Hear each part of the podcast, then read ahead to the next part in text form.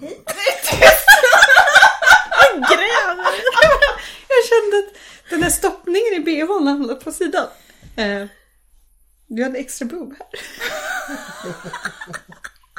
Det är liksom väldigt fritt och luftigt på ena sidan och väldigt välstoppade på andra. Förlåt.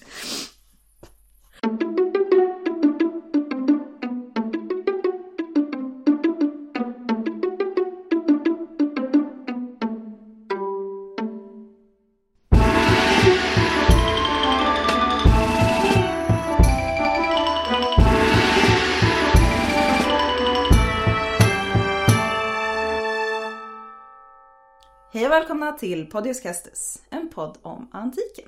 Vi som sitter här idag är jag Angelica Ja, Emily. Och jag Hanna.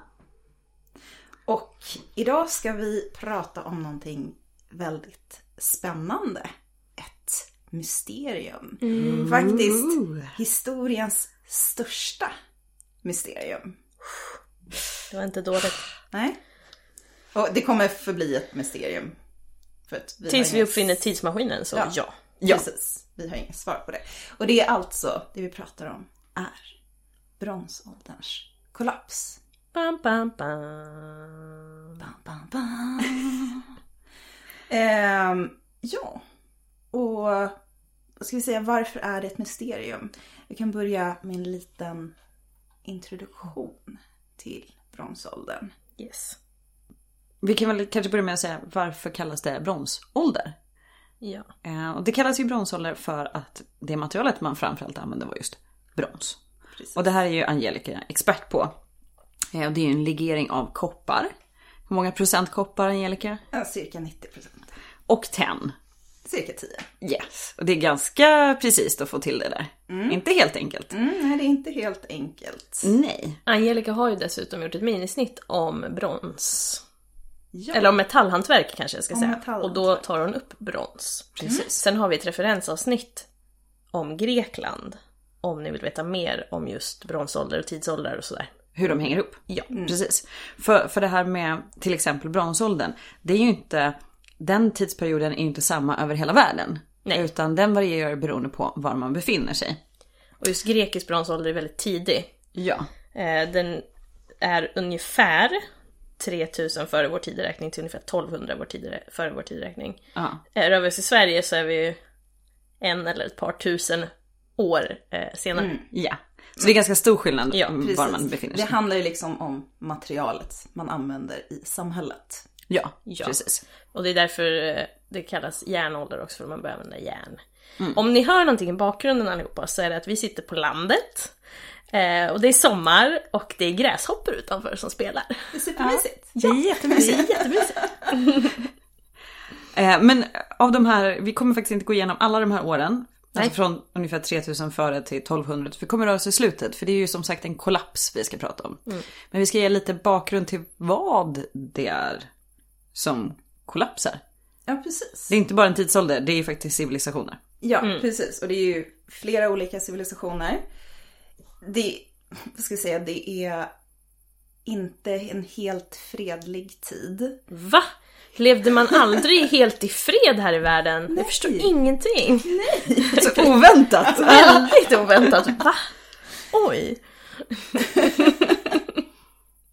Nej men precis som idag, så alltså, man, man, man hade vänner, man hade fiender.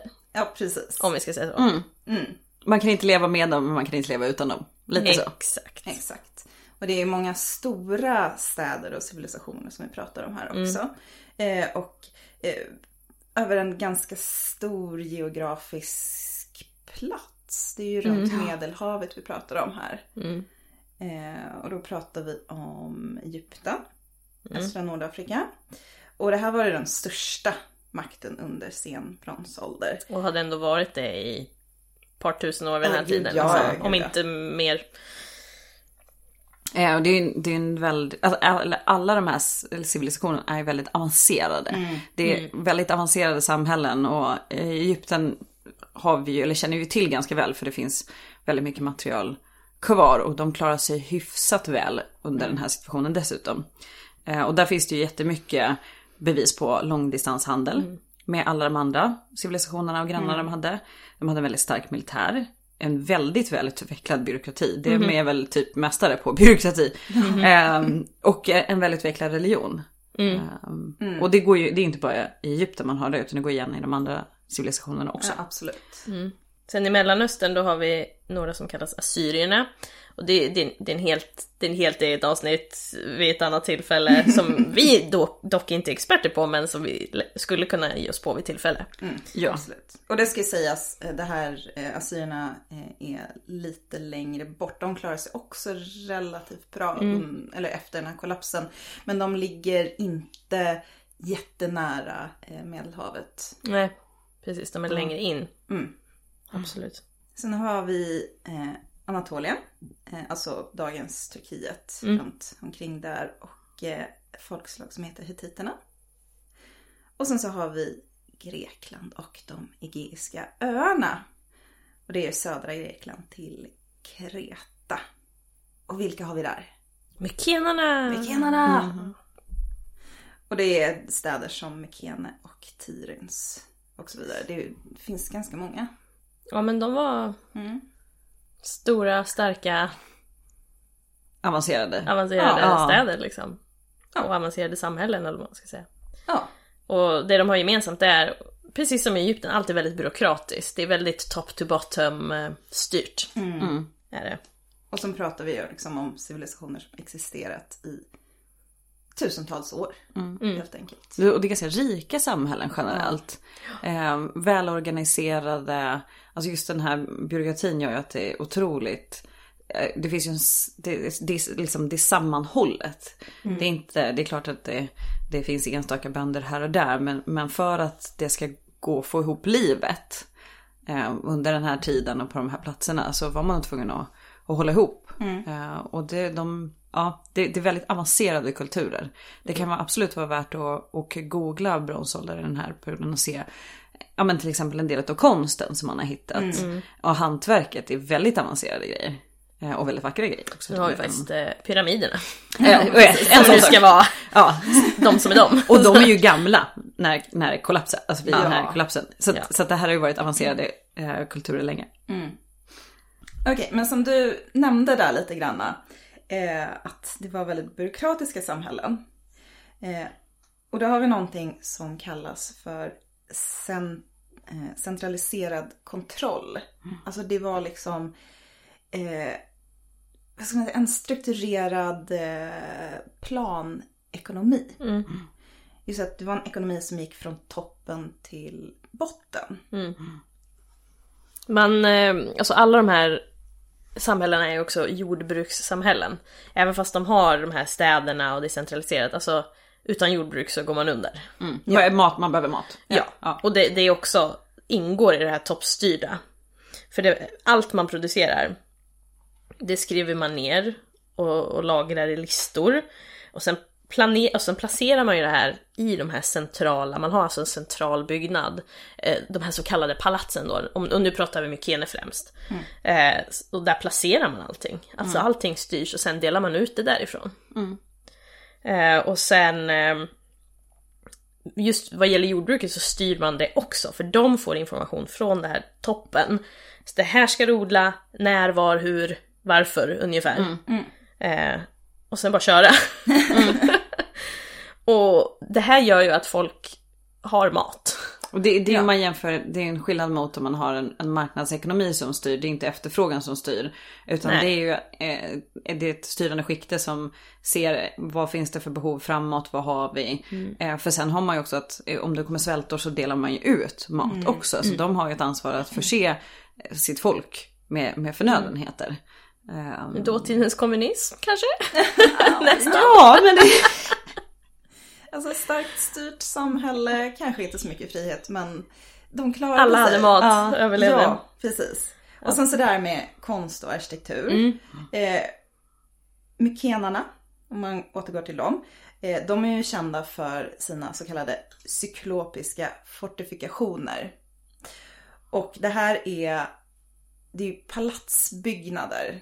Som kanske inte är palats men de kallas för De, palatsbyggnader. de är, de är, det är lite så här kolossala byggnader, eller man ska säga. Det är stora byggnader. Byggnadskomplex. Ja, Ja. ja, precis. Och de här byggnadskomplexen då, de var ju centrum för tillverkning, politik och fortifikation. Mm. För som sagt, man var inte överens med sina grannar. Nej, Nej. precis. Eh, och mykenarna bemästrade även så komplicerade buggstru- buggstrukturer. Buggstruktur. De buggade väldigt mycket. De buggade väldigt mycket under den här tiden.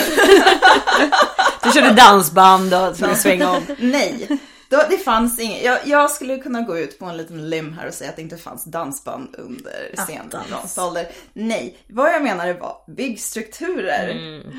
Och eh, byggstrukturer då som Tålåsgravar, alltså sån här, det kallas i alla fall beehive på engelska. Väldigt fantastiska strukturer, gravar. Eh, de byggde stora vägar. Och eh, de var som sagt fantastiska konstnärer och hantverkare. Keramiken är väldigt vacker. Ja, verkligen. Det är ganska mycket ingenjörskonst också. Ja. Alltså det, de här, det, det som då kallas palatskomplexen, det är, det är avancerade byggnadsstrukturer också. Eh, ett- pyramiderna i Egypten är ju ett sånt exempel, det är väldig precision. Eh, Vi vet fortfarande faktiskt inte hur man byggde dem. Så att, Nej, där, där de tvistar de lärde. Eh, och en väldigt, väldigt viktig grej som jag tycker vi ska det är just det här med skrift. Att man hade skrivspråk eh, i de här samhällena. Och det man skrev ner det var ju inte främst poesi utan det var ju den här byråkratin. Det var de här listorna som Emily pratade om. Alltså bara för att hålla koll på saker och ting. Det, det är så språk, skrivspråket uppkom. Du måste ha ett sätt att hålla koll på allt det du har. Ehm, och det här är ju något som, som på många ställen försvinner efter den här kollapsen. Man tappar det här. Nu går jag lite händelserna i förväg. Men, men det säger ju ändå att det är ett väldigt, väldigt avancerat samhälle. Och sen händer någonting ganska dramatiskt. Ja. När man tappar en så, för den här samhällsstrukturen, en central grej. Som det sättet du har att ha koll på. det alltihopa, mykenarna använder det är ju linjär A. Ja. Alltså en så kallad föregångare till linjär B som i sin tur är en föregångare till, eh, modern, eller till modern antik grekiska som i sin tur. Ja. Ja, Och vi har fortfarande inte knäckt den koden. nej. Linjär B har man knäckt. Den har man knäckt. Linjär A, inte- det vi nej. vet inte. Nej. Vilket är supercoolt. Och det tog ju väldigt lång tid tills man knäckte eh, hieroglyferna också. Så att Ja, det var också sent. eh, I, och det var ju ändå tack vare Rosetta-stenen, more or less. Precis, där man hade text på flera, flera olika Samma språk. text på flera språk. Ja. Eh, så att, eh, ja. Men, men och de hade ju också faktiskt ett gemensamt lingua franca. Man skrev på akadiska. Eh, för det finns ju faktiskt från, i, i de här olika eh, kulturerna finns det ju faktiskt brev. Och det är ju inte då skrivet på papper såklart, utan det är ju på, på oftast lera eller på vax. Men det är ju lera man har kvar. Alltså små lertavlor som man har skrivit på. Och, då Och har man, bränt. Och bränt, Ja, precis. Det är därför de finns kvar. Ja, Ja. eller de har bränts. Ja, ja. Antingen har man gjort det med flit eller så har det skett senare. Men eh, där man har eh, diplomatiska kontakter med varandra och handelskontakter med varandra.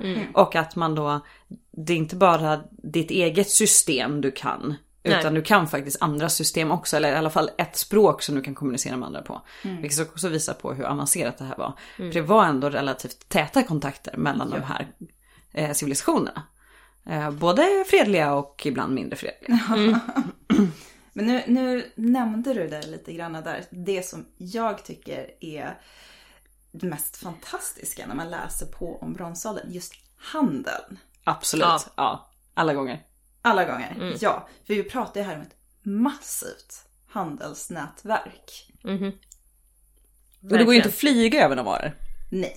Alltså, Nej, nej, nej, nej, nej. Man har ju, alltså, man har ju handelsrutter både till, på land och till sjöss. Ja. Eh, har man. Och något som romarna tusen år senare nyttjar väldigt friskt är ju då Egypten och eh, de fertila markerna man har där. I och med att Nilen svämmar över varje år. Så alltså man, man odlar så alltså att det bara, det bara sprutar ut.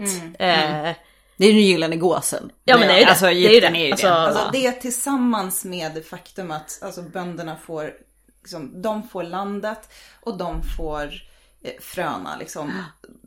Och de över säger, här ska du odla det här den här tiden. Så att de, ja, de sprutar ur sig Ja. spannmål liksom. Så att det, det har de och exportera liksom. Och då förutom då att, att Nilen svämmar över, alltså det här är ju djupt organiserat på, på alla ställen. Man har bevattningssystem. Det här är också organiserat uppifrån. Så att man liksom så här ska se till att effektivisera så mycket som möjligt. Och sen så något som vi, de flesta kanske vet, eller man kanske har listat ut, Egypten har ju guld. Ja. De har ju så mycket guld så att det bara, återigen, det bara Och- och framförallt sprutar har- ut Ja. guld. Framförallt har deras grannar mycket guld. Och Ja. som de södra grannar i Numien. som Oj, men hello! Ja. så, att, så att Egypten var ju, de hade ju det förspänt vad gäller handel. Ja, de hade, däremot så hade de ju väldigt ont om andra grejer. De hade, trä var ju ingenting de kunde skryta med. Det hade de väldigt ont om, så det behövde de ju handla. Eh, De gillar också exotiska varor. Mm. Sånt vill de ju ha, panterskinn och eh, myrra och annat. Och det måste man ju skaffa sig från andra ställen. Eh, Så att de var ju också väl, det var inte bara att de hade mycket, de var också själva väldigt beroende av handel. För de hade mycket av vissa saker. Verkligen. En sak som var viktig inom handeln, det var ju brons. Eller tenn och koppar, som vi redan har sagt. Ja. Och vilka hade tenn och koppar? Alltså, Hittiterna. Yes. ja. De hade det. Eh, och de, de fick ju sin eh, koppar från Cypern. Eh, men tenn var lite mer ovanligt. Och de bor ju inte på samma ställe de här metallerna. Nej, de Nej. gör ju inte det. Synd. Ja. Tråkigt. Eh, de, de hade en liten inhemsk eh, produktion.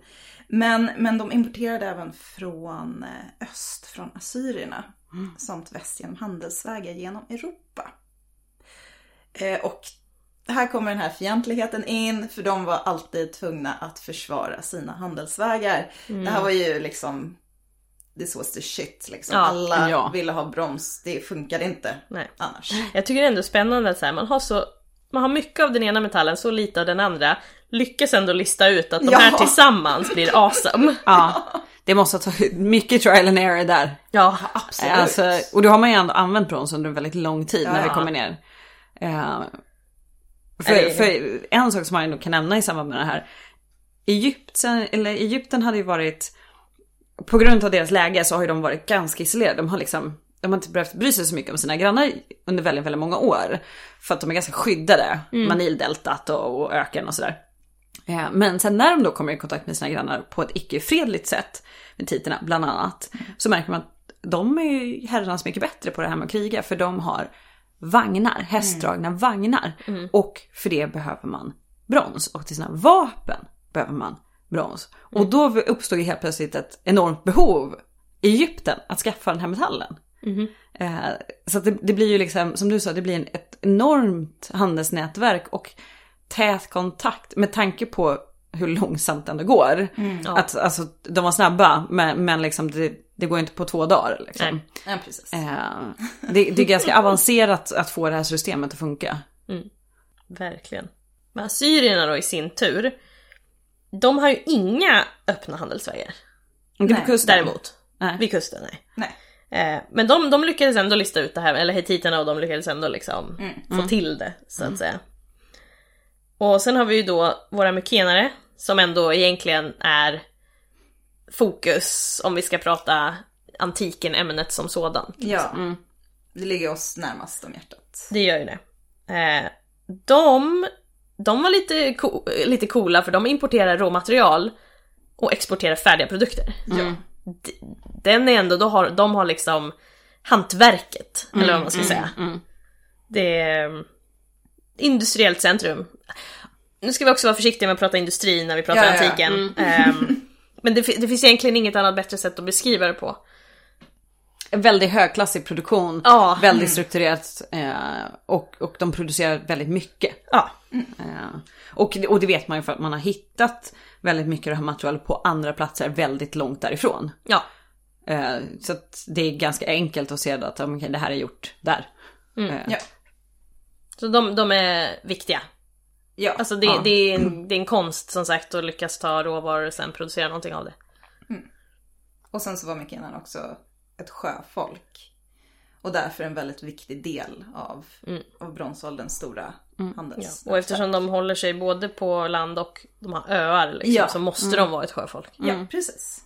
Och, och den här handeln innebär ju att det, det väx, precis som med allting annat, men det växer ju upp bi, eh, vad ska man säga, bi, in, eh, inte industrier, men, men biföretag eller verksamheter runt omkring.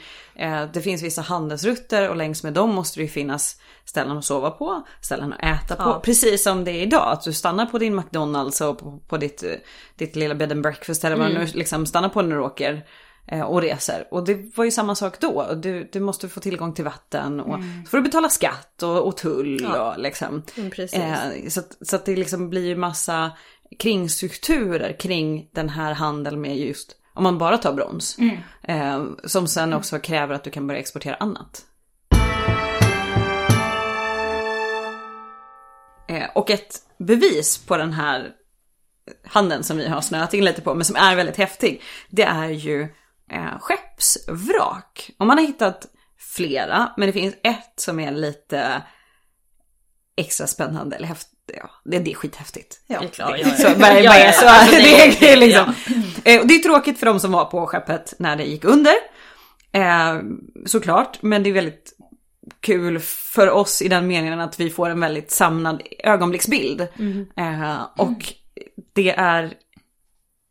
Det finns material från väldigt många olika länder, jag tror sju nationer eh, representerade på det här skeppet. Men kan, kan inte du, vad finns det mer? Om man, om man är specifika varor liksom.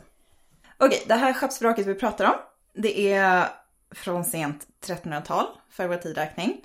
Eh, och man har hittat det vid Ullenburens kust, alltså vid Turkiet där.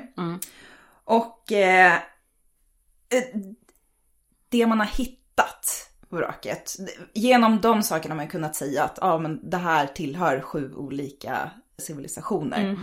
Eh, och jag tänkte jag läser igenom listan på vad man har hittat. Så det man har hittat är, och liksom hold your horses, 10 ton koppartackor. Ett ton tenn.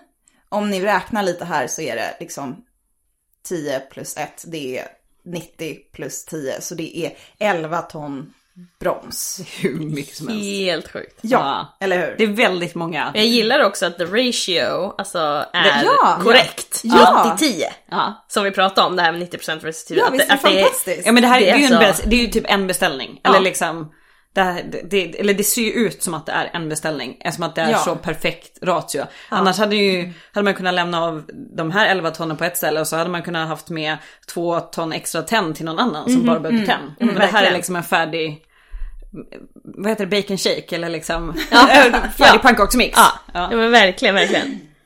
Förutom det så har vi även flodhästbetar plus flodhästtänder. Elfenben. Eh, en glasburk med glaskulor i. Redan på den tiden spelar man kula. Eh, sen har vi lite dagligvaror, eller dagligvaror ska vi inte säga, men lite så här finare saker som oliver, fikon, mandlar, pistage, vindruvor, koriander, granatäpplen. Koriander. Det är gott. Nej! Jo, det är gott. Det är gott. Nej. Jag älskar hur det är så här. det är verkligen så här ett av de här ämnena som man bara debatterar liksom. Ja, Korianderns hata eller icke hata Ja. liksom. jag är hata. Jag är icke hata. Du, Icke hata. ja, det är lugnt. Du tycker om mig ändå? Jag tycker om det ändå. Vad bra. Tur. Eh, vad mer har man hittat? Jo, man har hittat en gyllene skarabé med en inskrift på där det står Nefertiti. So cool. Eller hur? Och Nefertiti var ju gift med faraon i Egypten. Ja, Och hade själv väldigt mycket makt. precis. Sen har vi hittat eh, pilspetsar, dolkar, skö- sköldpaddsskal, strutsägg, kvartskristaller, guld, keramik, eh, oljelampor från Cypern. Och glastackor i koboltblå och i lavendel. Alltså glastackor som är i råmaterial helt enkelt. Så det är... Alltså förstå värdet på det där. Ja, för den här lasten. Det, det här är ju också gör ju att det finns en hel del, eh, alltså ganska mycket pirater. Alltså man behöver inte Ja, bara ja. försvara sig på land utan det, Ja, det ja. Nej, men växer ju upp en, en, ett vad ska man säga, pirat, en piratverksamhet. Men det är också, så här, det är också en, så bra exempel på att, att det är det här topp till botten styrningen. För att hade det varit mer alla för sig själv så hade det inte varit den här massiva beställningen. Nej. Det här, är- det här är ju till en hel, ett helt samhälle. Mm. Är det. Ja men precis. Det, det, det, liksom, det ska komma alla till nytta. Men som sagt, inte fredliga tider. Nej, det är ju inte det. det är inte det, precis. Men du sa ju det tidigare, just det här med, med eh, hästvagnar. Mm. De, det är ju, eh, det är faktiskt jätte, eller de är, de är ganska häftiga. Eh, de, om man ska försöka beskriva dem så har de en, en välvd front och så är det oftast två hjul. Och så spänner man dem vid en häst. Eh, och så har man oftast en förare och en eller två krigare. Oftast då med pil och båge. Ja. Eller man hade spjut.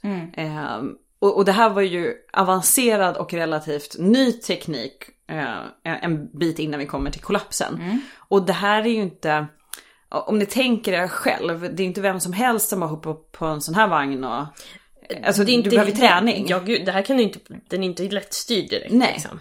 Och den, den ska byggas och du ska, du, ska ha, du ska ha materialet och sen ska du bygga den. Eh, Du ska ha någon som kan föra den. eh, Så ska du träna hästarna att ska dra den. hästarna och dra den. Eh, och så ska du ha folk då som kan stå på de här, hålla balansen Mm. och faktiskt utföra, förutom att stå kvar liksom. De ska kunna göra någonting också. Och sen Mm. måste du träna upp eh, ett gäng. Du, Ja. Det räcker inte med en, du måste Nej. ha fler. Och de måste också kunna eh, utföra någonting samspelt. Ja, Eh, ja. Så det här är ju en dyr process. Det är det vi vill komma fram till. Ja. Att det är dyrt. Det, det här är liksom inte vem som helst utan det är folk Det är som har ingen fått ganska lång... Nej, det är ingen Nej, hobby. alltså de jobbade med det här. Ja. De Alltså, och det här annat. är ju någonting här, som är generellt för den antika världen. Alltså allting innan industrialiseringen. Egentligen.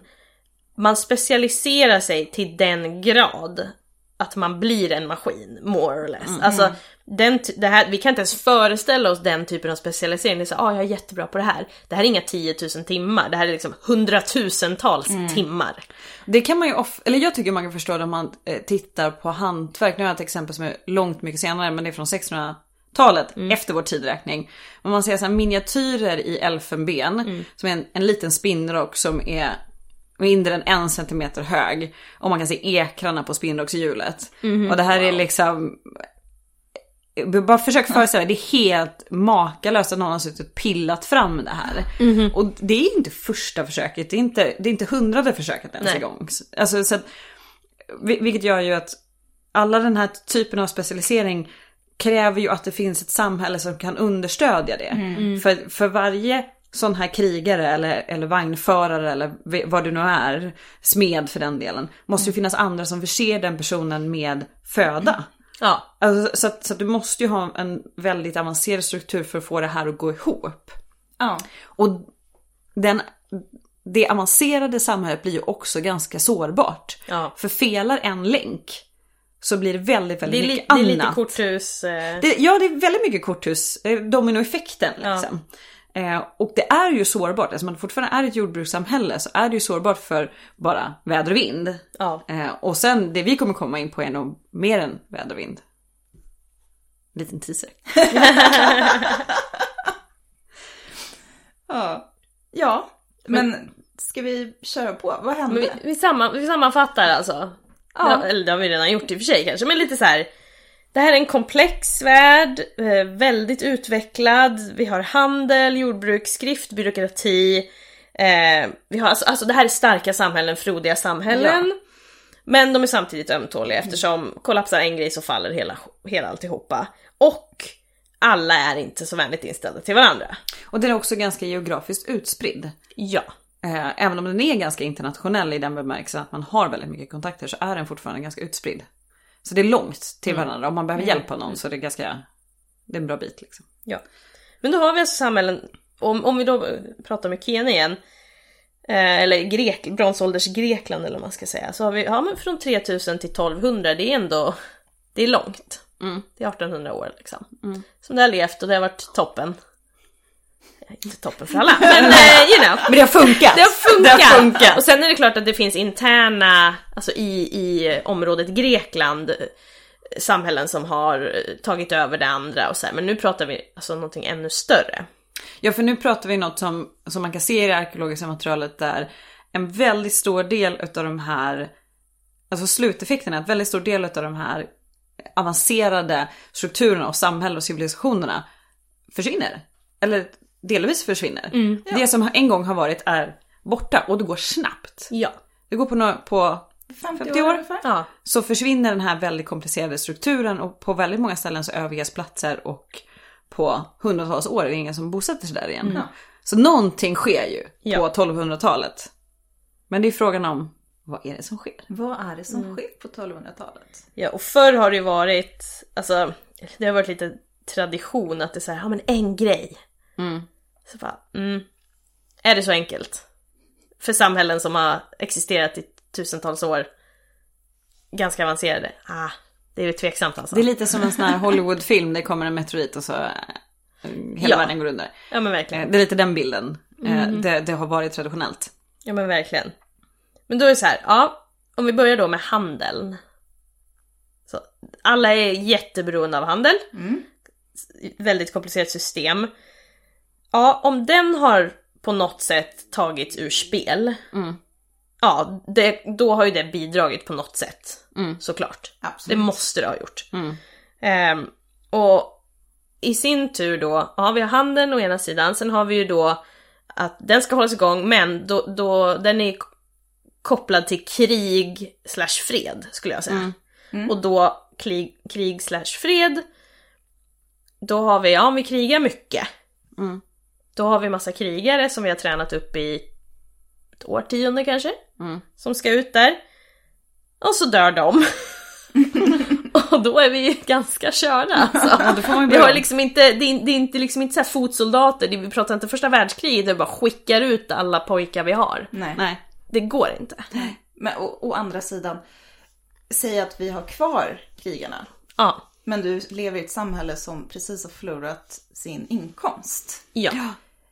Du har inte råd att Nej. hålla dig med de här äh, Nej, krigarna. precis. Och, och vi ska ju också tänka att det här gäller inte heller enbart i en, en konfliktsituation där man är ute och slåss mot varandra. Utan det gäller också att säkra handelsvägar som vi pratade om. Precis. Och, och det är också att du ska kunna trygga gentemot de, de, den andra köpparten måste du kunna visa att du kan trygga den här handelsvägen. Så att det är också en diplomatisk fråga. Ehm, och du måste kunna skydda din stad, ditt lager. Eh, så, så att det liksom, det, det är lätt att bara tänka på det att okej nu är vi ovänner, nu ska vi kriga. Men, men den här, vad ska man säga, militären, den, eller den strukturen ska ju hålla reda på mycket, mycket mer. Ja. Eh, och framförallt kopplat till handeln och få det liksom att...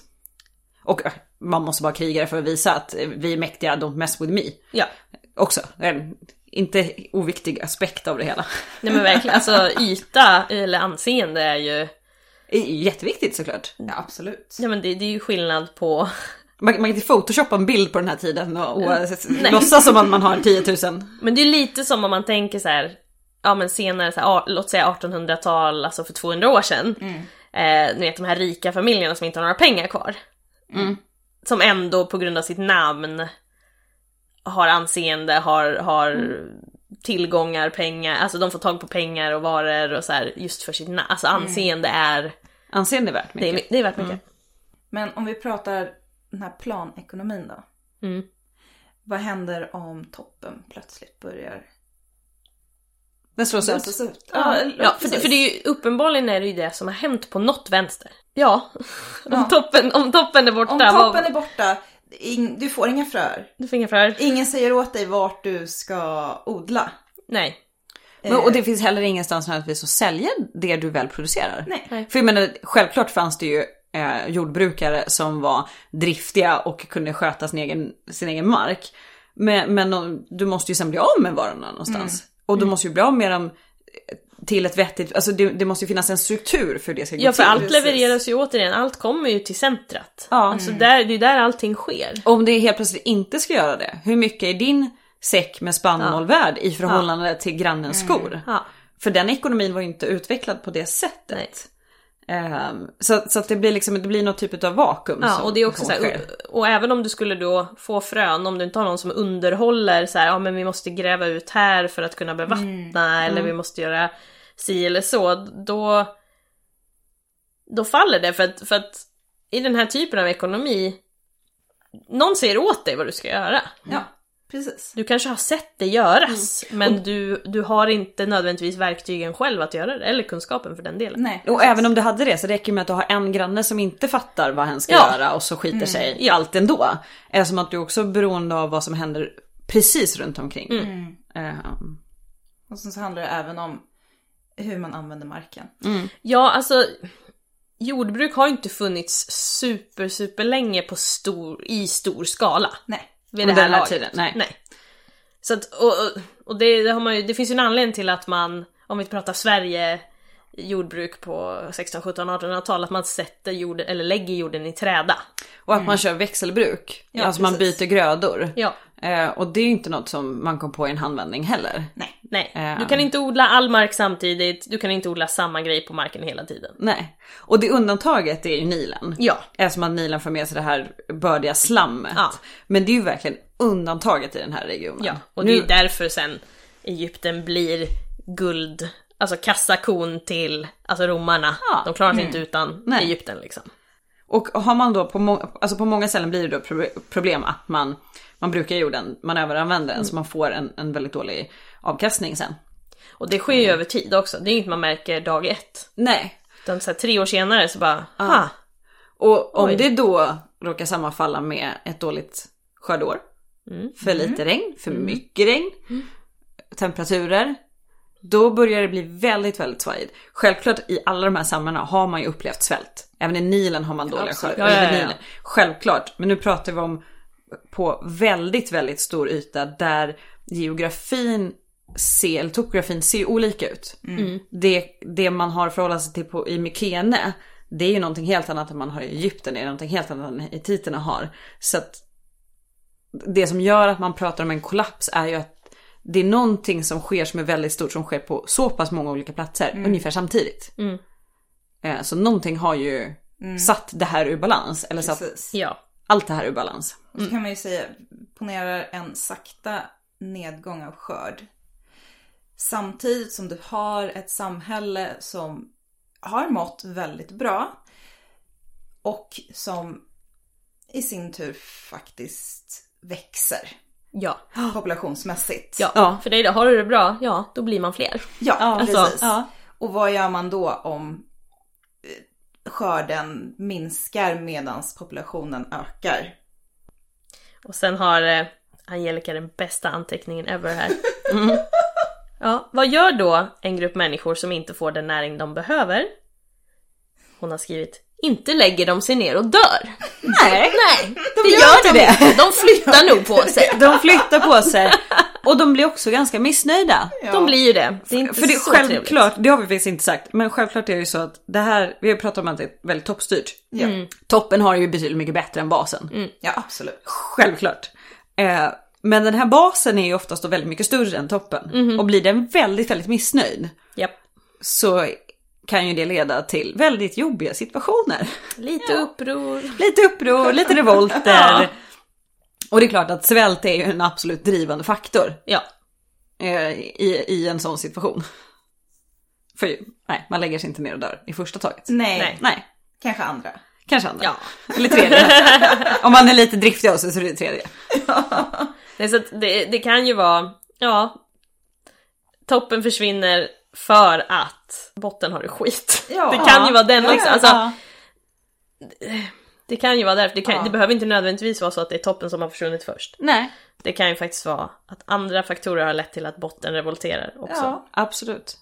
Och då kan vi ju, en del i den här toppen är ju faktiskt det här med skrift. Alltså de, att skriva, läskunnighet eh, och skrivkunnighet var ju inte något för alla.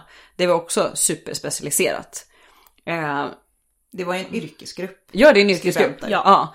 Eh, som eh, var upplärda eh, oftast under ganska lång tid. Och Ja. precis som med eh, krigarna så var det här, det, det är dyrt. Ja. För ska du sitta och vara så specialiserad på det här så bidrar du ju inte till det här jordbruket Nej, till exempel. Exakt. Eh, utan du måste ju förses med allt det andra från någon annanstans.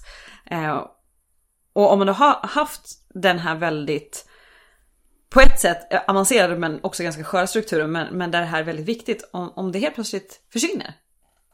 Vad, vad, vad gör du då? Om ingen kan tyda de här skrifterna, om ingen längre kan föra det här arbetet vidare, Nej. eh, eller vill. Och sen, vad, om, om du är specialiserad i skrift, du skriver de här äh, väldigt byråkratiska texterna, eller de här, ja, helt enkelt det här, Räknelistorna typ. de här räknelistorna, precis. Men just den delen, alltså, det behövs, du behöver inte skriva de här räknelistorna längre. Nej. För att det, det är vajigt på jordbruksfronten. Mm. Verkligen. Det finns ju ingen anledning för dig att skriva. Nej. Då. Nej. Nej, Och då försvinner den här kunskapen, man Ja. tappar den. precis. Och vi pratade ju lite om att det fanns en, kanske lite enkel förklaring. Man skulle ha en, man ville Det var lite på väl, modet var det ju. ja, man ville Ja, väldigt gärna ha liksom en, någonting att skylla på eller någonting att peka finger på. Det är det här, det här är anledningen. Eh, och det man väldigt gärna valde att peka ut som skurken i bronsålderkollapsdramat. Ja. Det var sjöfolket. Jag tänker lite på så här mermaids. Eller det, Ja men det, ja, men det är lite sjöjungfrur över det, det, hela det faktiskt. låter lite så här Jag, jag sjöfolket. tänker mer så här uh, en evil Bond villain. Ja, okej.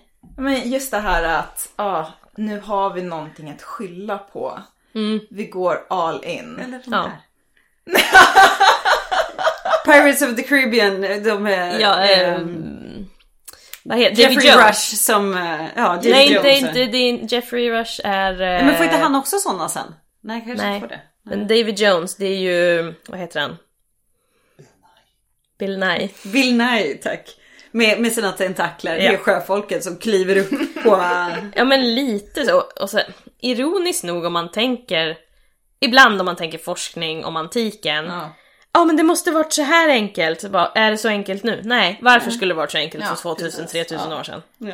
Men bara- det här, nu ska vi ju säga. Det var ju, det var ju tidigt också, ska Ja, såna. Nej. Det, det här var ju en, en teori som kom, framkom ungefär så tidigt 1900-tal. Och vi, vi, vi, som vi pratade om i Schliemann-avsnittet. Ja.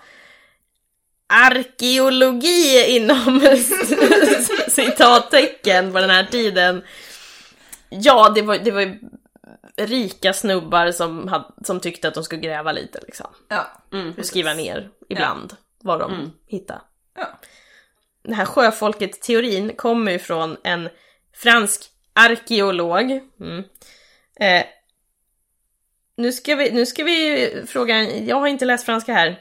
Det ser ju väldigt icke-franskt ut det här namnet. ja, det ser väldigt icke För det, det, det, det. Jag vet inte. för det, det jag ser ut som Masborough. Masborough, ja det ser ut som Men Masborough, men det kan ju inte vara om han Jag är eh, fransk. Han kan ju, ha, det så- han kan ju ha haft engelskt på, påbrå. Det är sant, det är så det stavas i alla fall. Eh, Det var han som kom på den här idén. Ja. Och alla bara ja! Och, men, men Sjöfolk! i, ska vi säga, om jag ska gå i hans försvar nu då, så har han ju faktiskt två skriftliga källor. Ja, Eh, och man vill ju väldigt gärna, alltså skriftliga källor är ju en lyx vad gäller historia. ja. Eh, för, för de flesta, det kommer ju oftast mycket, mycket senare. Men i det här området har vi ju skrift. Eh, vilket är absolut en lyx. Och det här, de här två eh, källorna är också väldigt lockande. Mm. För de är ganska spännande. Absolut. Vill du, vill du köra den första Angelica? Ja, alltså Det är nu bäst. det, den är ju bäst. Den är bäst. Den är ju bäst. Eh, I Assyrien, i Ugarit, så har man hittat en lertavla. Eh, och på den här lertavlan så eh, är det en text där det i princip står att vi blir attackerade men alla våra trupper är någon annanstans. Eh, hjälp. Eh, och den har hittats i en ugn eh, i den nedbrunna staden Ugarit. Aj, aj. Ja, så Men, den- den men kom gud, liksom okej inte vet ni vad jag kommer att tänka på då? Ni vet i Sagan om ringen? När de kommer in i Moria. När de hittar den här boken och så börjar Gandalf läsa, du vet så här. Vi börjar bli, vi, we're getting attacked. Ja, just Please help us, please. Och sen är det så här helt utsuddad typ. Det är typ Ja. den. Ja. Och sen hör man de här trummorna kommer igång. Så här. Ja. Ja. Ja, men det, är ju, Ja. det, alltså, det, det fattar man ju att det här är ju um, superbra källa. Eller, Alltså det är superspännande. Ja, Men vad säger det egentligen? det säger att de blev attackerade. Ja, that's it. Ja. Ja, och att det var plötsligt eftersom deras trupper var någon helt annanstans. Ja. Eh, och till det då så har man en annan skriftlig källa och den kommer från Egypten. Eh, för där har man ju både kunnat eh, tyda texterna och det finns ganska mycket texter. Eh, och där omnämns sjöfolken eh, i lite, jag tror det är två olika texter. Eh, där man i alla fall i den, e- den senare utav dem har liksom återanvänt formuleringar från de första. Man liksom så här, återanvänt lite. Eh, och då beskriver man att de, de kommer och man lyckas besegra dem. Och ingen annan har lyckats. Eh, och det är därför man liksom vill trycka på den här segern. Det var, det var mycket förlust i det här för man, man mötte då det så kallade sjöfolket, eller sjöfolken i plural, vid Nildeltat. Eh, vilket, det här är ju inte Egypternas de föredrar inte att slåss till, till sjöss eller till vatten. Det är, inte, det är inte det de är bra på. Nej. Så det var väl också lite så att man tyckte det var lite cred. Men det är, tror jag två eller tre utav de här som man benämner med namn. Så att det är inte ett folk. Nej. Utan Nej, man precis. pratar om olika. Eh, och, och man har liksom forskarna inte riktigt kunnat placera det här. Nej, det är Eh, det också. och det det, är ganska, också- det är ganska mystiskt. Det är väldigt mystiskt. För det finns liksom inget, inget enat bevis för vilket folk det här skulle vara. Nej. Eller för den delen vilka folk. Nej. Eh, för i, i flera av de här civilisationerna som, som faller i det man kallar då bronsålderskollapsen. Vissa städer kan man se tydliga tecken på att det har varit någon typ av slag, någon invasion. Eh, och det kan man se på att staden är förstörd. Det ligger kvarlever kvar på gatorna. Det lämnar man ju inte annars i en stad som man återvänder till. Eh, det är nerbränt. Andra ställen är nerbrända. Orsaken till det kan ju vara naturkatastrof, olycka, invasion, upplopp. Det vet man inte. Kan man heller inte avgöra. Eh, och andra överges. Eh, men, men det finns ju inget sammanhållet bevis för att det varit ett och samma folk som har varit där. En viss typ av vapen eller e- efterlämnat sig eh, en viss typ av kännetecken. Nej. Det är också ganska otroligt att ett tidigare så här, icke-känt folk bara dyker upp. Och Överallt samtidigt. överallt samtidigt och, och får de här tusenåriga, flera tusenåriga civilisationerna att kollapsa. Det, det, det är just det som är att Ja, det är ett sjöfolk, de är mystiska, vi vet inte var de kommer ifrån. Så här, mm, sen så tror jag inte att det står sjöfolk. nej, Nej. Och, det, och, och- och det kan ju vara smeknamn på andra civilisationer som vi inte... Alltså, ja. man skriver inte källor för framtiden. Nej. Alltså de källorna vi har, det är samtida, de samtida källorna, det är så här, ja men de där som alla vet vad de heter. Och Ja. så skriver man ner det. Eller möjligtvis för nästa generation men inte, det Ja, inte längre men det, perspektiv. alla vet vad det är. Ja. Och 3000 år senare, 5000 år senare, Ja. det är klart vi inte vet vad det är. Då skriver väl de kom från, eller via sjön, eller kom från sjön. Det, det är någon sån formulering. Ja, men man någon använder ju inte termen sjöfolket. Nej. Nej. precis. Eh, och framförallt, som jag oftast pratat om det liksom som om det vore en sammanhållen grupp. Eh, men det, det, det lilla bevis som finns är ju att det är flera olika folkgrupper eller folkstammar. I sådana fall så är det ju snarare ett symptom på Ja. kollapsen. Och det här är ju ett nytt, en, en relativt ny tanke inom forskningen. Ja. Eh, och en av bevisen för det, som man också kanske blir lite chockad över i till exempel Egypten, det är att det inte bara krigare som kommer, utan det är, det är kvinnor och det är barn och det är mycket tillhörigheter. Vilket man nu då börjar tolka som att, men kan inte det här vara flyktingar? Precis. Nej men, men det, alltså det, det är en jätteintressant tanke att det är så här. För man har ändå, fine man är inte alltid kompisar.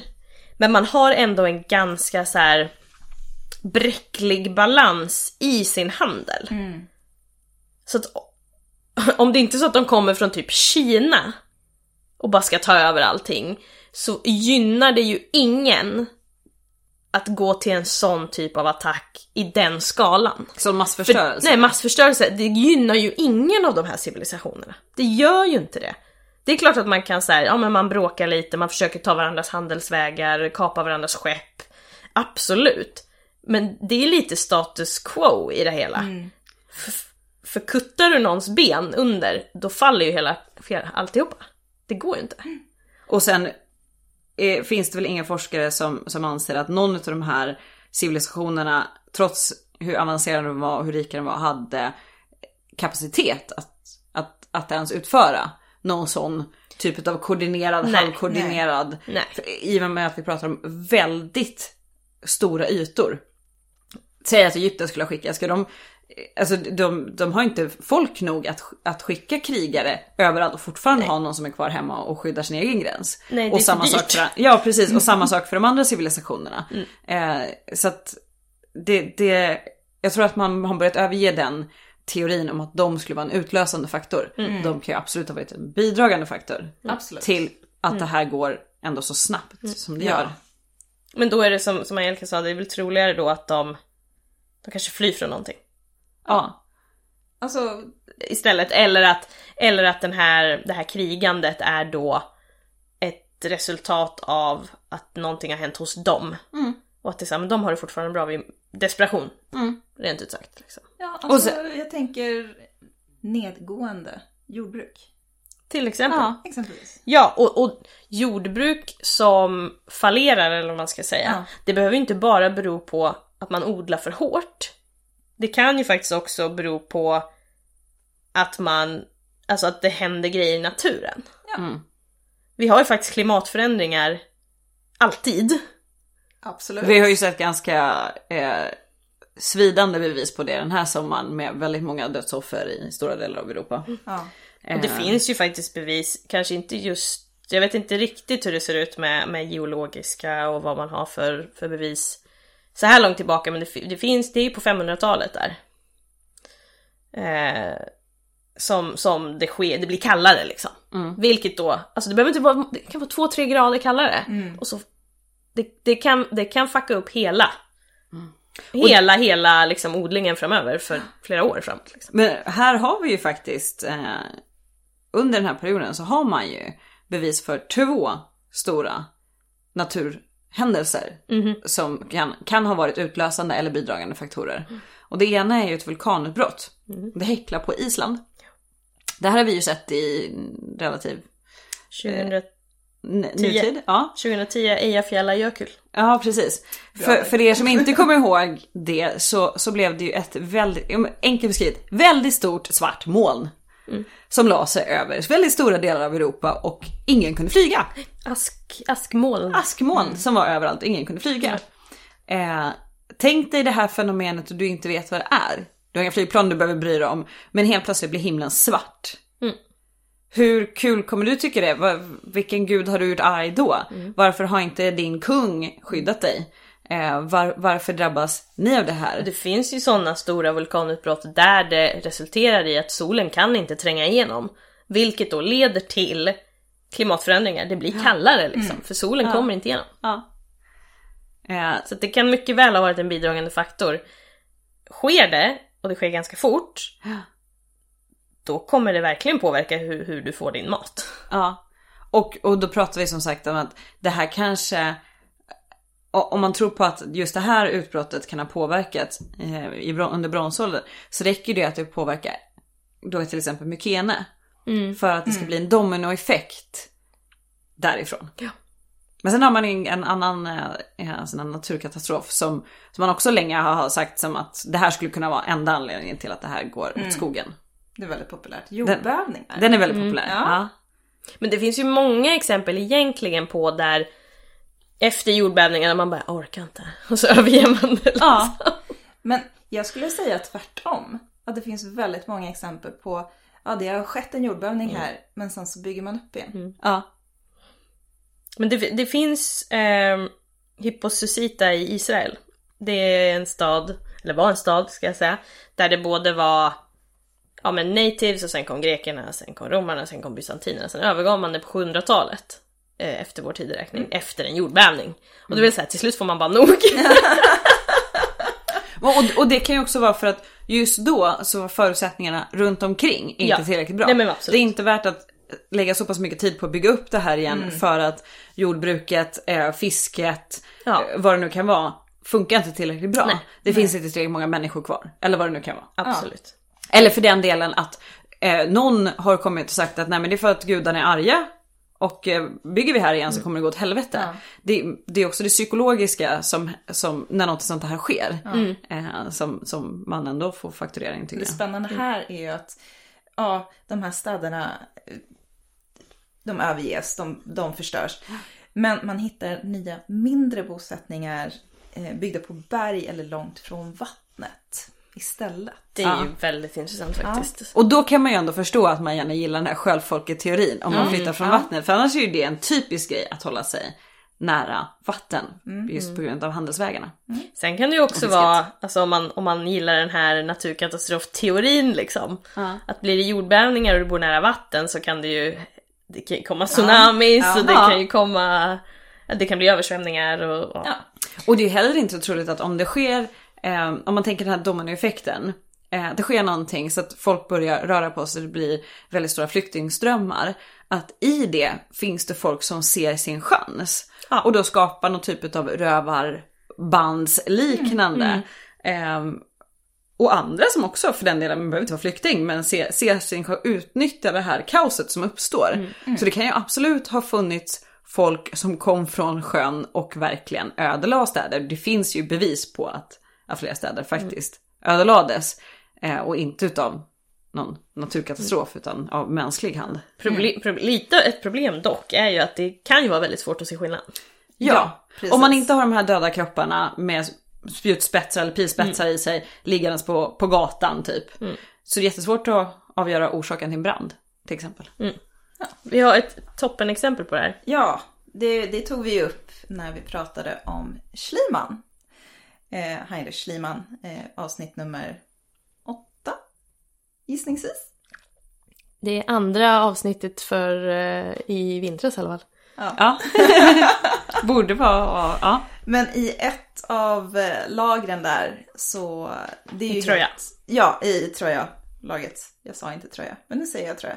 Eh, så eh, har man ju hittat människor kvar på, alltså på gatorna Mm. eh, med pilspetsar i. Och då vet man ju att ja, men här har det skett någon form Mm. av... Väpnad konflikt. Ja, precis. Så det är ett bra exempel på det. Och ibland ser man bara att det har brunnit. Ja. I princip. Det är Ja, raserade det- byggnader och det har brunnit. Då kan man ju inte säga vad som har hänt. Nej. Nej. Nej. man kan komma långt med arkeologi men, men oftast inte riktigt så långt som man vill. Nej. Nej. Och sen är det ju något vi, vi inte har tagit upp, det är ju sjukdom. Ja. En pandemi. Mm. Eh, Men det finns eh, tecken på sjukdom. Ja. Men det verkar vara ett resultat av Ja. kollapsen. Så det verkar ha hänt liksom Och det är ju inte helt ologiskt att den Nej, allmänna precis. folkhälsan, eller vad man ska säga, efter en sån här kollaps är kass. eh, ja, nej. Alltså hela vårt samhälle har kollapsat. Vi måste flytta ut i mindre bosättningar, försöka leva bäst vi kan. Mm. Och eh, det vi har varit inne på är klimatförändringar och då kanske framför allt torka. Mm. Är ju eh, en, ja, en väldig orsak till att skördar slår fel. Och det leder ju till svält. Precis. Men det som är, ska vi säga, det som är frågan är hönan eller ägget? Exakt. Det är väl det, alltså for, forskningen, man forskar ändå ganska mycket på det här eh, idag. Det är ju en väldigt spännande period. Ja. Och forskningen kommer med, med mm, liksom, nya saker hela tiden. Men det är just hönan eller ägget. Man vet inte vad som var först. Eh, eller vilken kombination av saker som var först. Eh, man vet bara att det slutar. Och det slutar ganska abrupt. Ja. Mm. Vad ska man säga? Alltså samhället som det såg ut då. Det var ett starkt samhälle. Mm. Uppbyggt på ett antal stödpelare. Men började en fallera så följde en annan. Mm. Lite så. Ja, Lite Eh. kaosteori.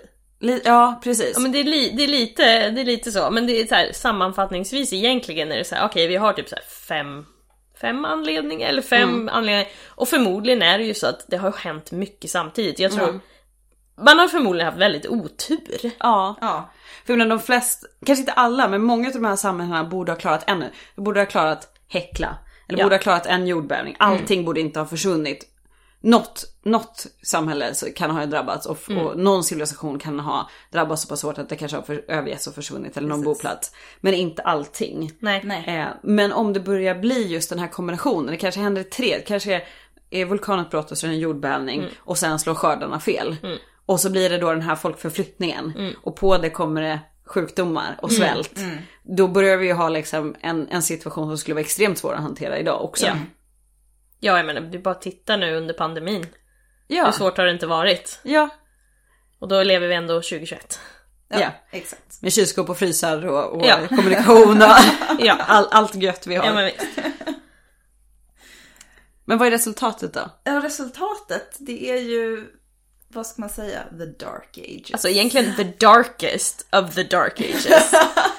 För att man tappar helt skriftspråket. Ja. För det är så här, ja, medeltiden kallas ju the dark ages eh, på engelska också. Men vi tappar inte skriftspråket på det viset. Eh, och lite the dark ages, det är ju just för att det är så här, Rom kollapsar. Alltså Ja. storheten som är Rom kollapsar och man, ja, det, det blir lite mindre samhällen där också, det blir lite liksom Det blir en så kallad mellanperiod. Ja men det är lite som mellanperiod. Här är det ju verkligen en mörk jävla period alltså, I'm sorry men det finns inget annat och befolkningsmängden går ju ner. Den går ju ner Kraftigt. jättemycket. Och det är Ja. så här, man har inga stora städer, man har inga stora samhällen. Det är små samhällen, inget skriftspråk. Och, och, och som också är mycket mer självförsörjande. Ja. Eh, Man har inte det här handelsnätverket som jag pratar Nej. så mycket om. Det, det är liksom den typen utav, och det är också ett utbyte av idéer som försvinner i och med det. För att du har inte den här rörligheten av människor. Mm. Och nu å, återigen påpeka, vi, vi pratar Grekland, alltså, alltså främst ja. i det här. Det är grekerna som tappar skriftspråket. Och nu kan vi inte... Geografiskt Grekland. Ja. Mykenarna. Så. Ja. För, för de som klarar sig igenom så har vi nämnt, det var ju assyrierna Mm. eh, och Egypten.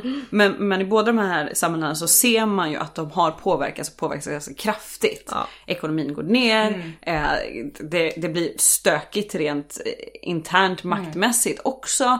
Eh, alltså det påverkar samhället ganska mycket. Så att även om de klarar sig mycket, mycket bättre än, än på väldigt många andra platser så, så ser man en ganska stor påverkan. Även där. Precis. Verkligen. Som ni har sagt, nu har vi ingen mer handel. I alla fall Nej. inte på den här skalan som Nej. vi har haft. Sen så har vi även en mer primitiv keramik. Vilket inte är så konstigt. Nej. Mindre samhällen, Precis. eh, mycket kunskap gått förlorad, Ja. mycket specialisering gått förlorad. Ja. Ja. Den blir mer enkel, absolut. Och sen så slutar man bygga de här stora monumenten och templen. Ja, man har inte resurser. Nej. Nej och det, och det är väl framförallt det, för jag menar även om du tappar en eh, specialiserad yrkeskår, tänk, tänk att man s- tappar alla de som kan skriva, så kunde du fortfarande gå och se det. Alltså, ä- även om en, eh, säg att det var en jordbävning så att en, en sån här palatsstruktur som vi pratar om, alltså de här otroligt, om någon har varit på Knossos så förstår ni liksom det, det är stort och det är många byggnader, det är nivåer, det, alltså den typen liksom. Om den rasar, du kan ju fortfarande se det som har rasat. Eh, så att du, du vet ju vad som går att göra. Men, och då måste det handla om att du har inte tiden, du har inte resurserna att göra det. För att, att återta den kunskapen borde inte vara omöjlig.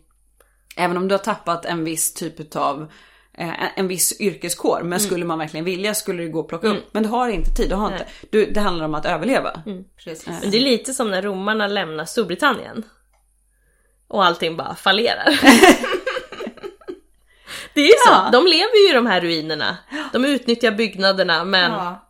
Ja. de har ingen kunskap eller liksom ingen, Man, man, har inte resurs. över, man har inte det överflöde som, Nej. som krävs om man ska kunna låta någon snubbe eller snubba sitta och bara pilla med text. Eller Nej. bara pilla med det här superavancerade bronshantverket. Det, det finns liksom inte tid för det. Nej.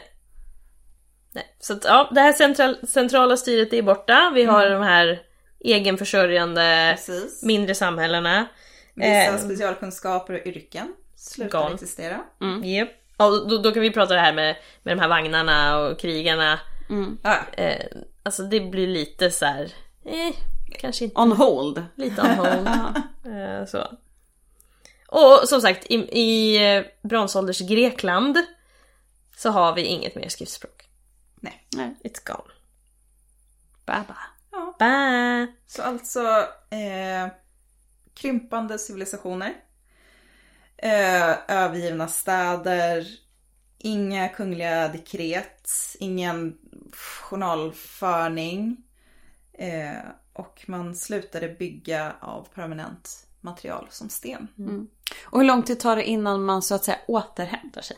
Det tar några hundra år. Mm. Det är en ganska lång period vi Ja. pratar om. Vad är det, 300 år? Ja, innan man så småningom, ja innan så, så smått ja. Ja. Så smått ja. ja. Innan så, ja precis, 900-talet ja. började det. Sen 700-talet, ja då börjar det bli OK. Och 500-talet, Ja men från 700-talet börjar man se lite mer stora byggnader. ja men då liksom. börjar, då börjar det hända grejer på 700-talet före vår tidräkning. 500-talet, det är ju då vi har demokrati och hela... Om man tänker, då har vi ju den här Aten och stor, Ja. liksom börjar ha lite storhetstid där igen. Så, Så att att det- det är lång tid. Det är det. Ja. För det är också något man måste komma ihåg att ju längre bak i historien vi rör oss och man pratar, ja ah, men eh, 500 år, 300 år, 1000 år, alla bara ja ja whatever. Men om man tänker i, försöker tänka oss i dagens mått mätt, 300 år att återhämta sig. Det är alltså 1700-talet till idag. ja. Och sen ska man också komma ihåg att generationsskiften, vi är ju vana vid att folk blir 80 i snitt idag. Ja. Är man ju 80 år. Så att jag menar att du känner din farmor och farfar. Du kanske till och med träffat någon, någon gammal farmor och farfar. Det är inte alls omöjligt.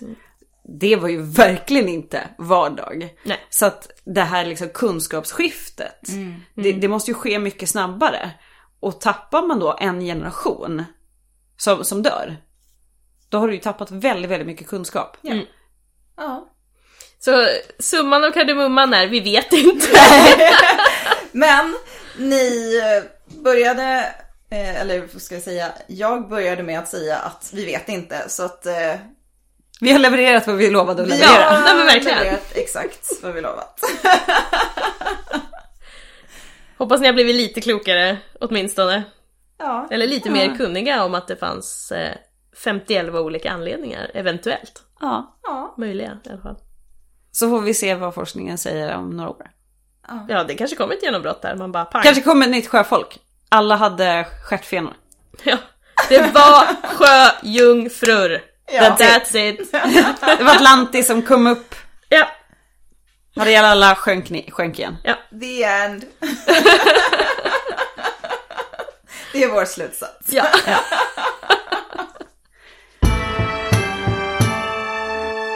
Men det är nog för den här gången. Det, var, det var det. Om ni har frågor, eh, kommentarer, åsikter eh, Kontakta oss på podiuskassis.gmail.com eller på Facebook eller på Instagram.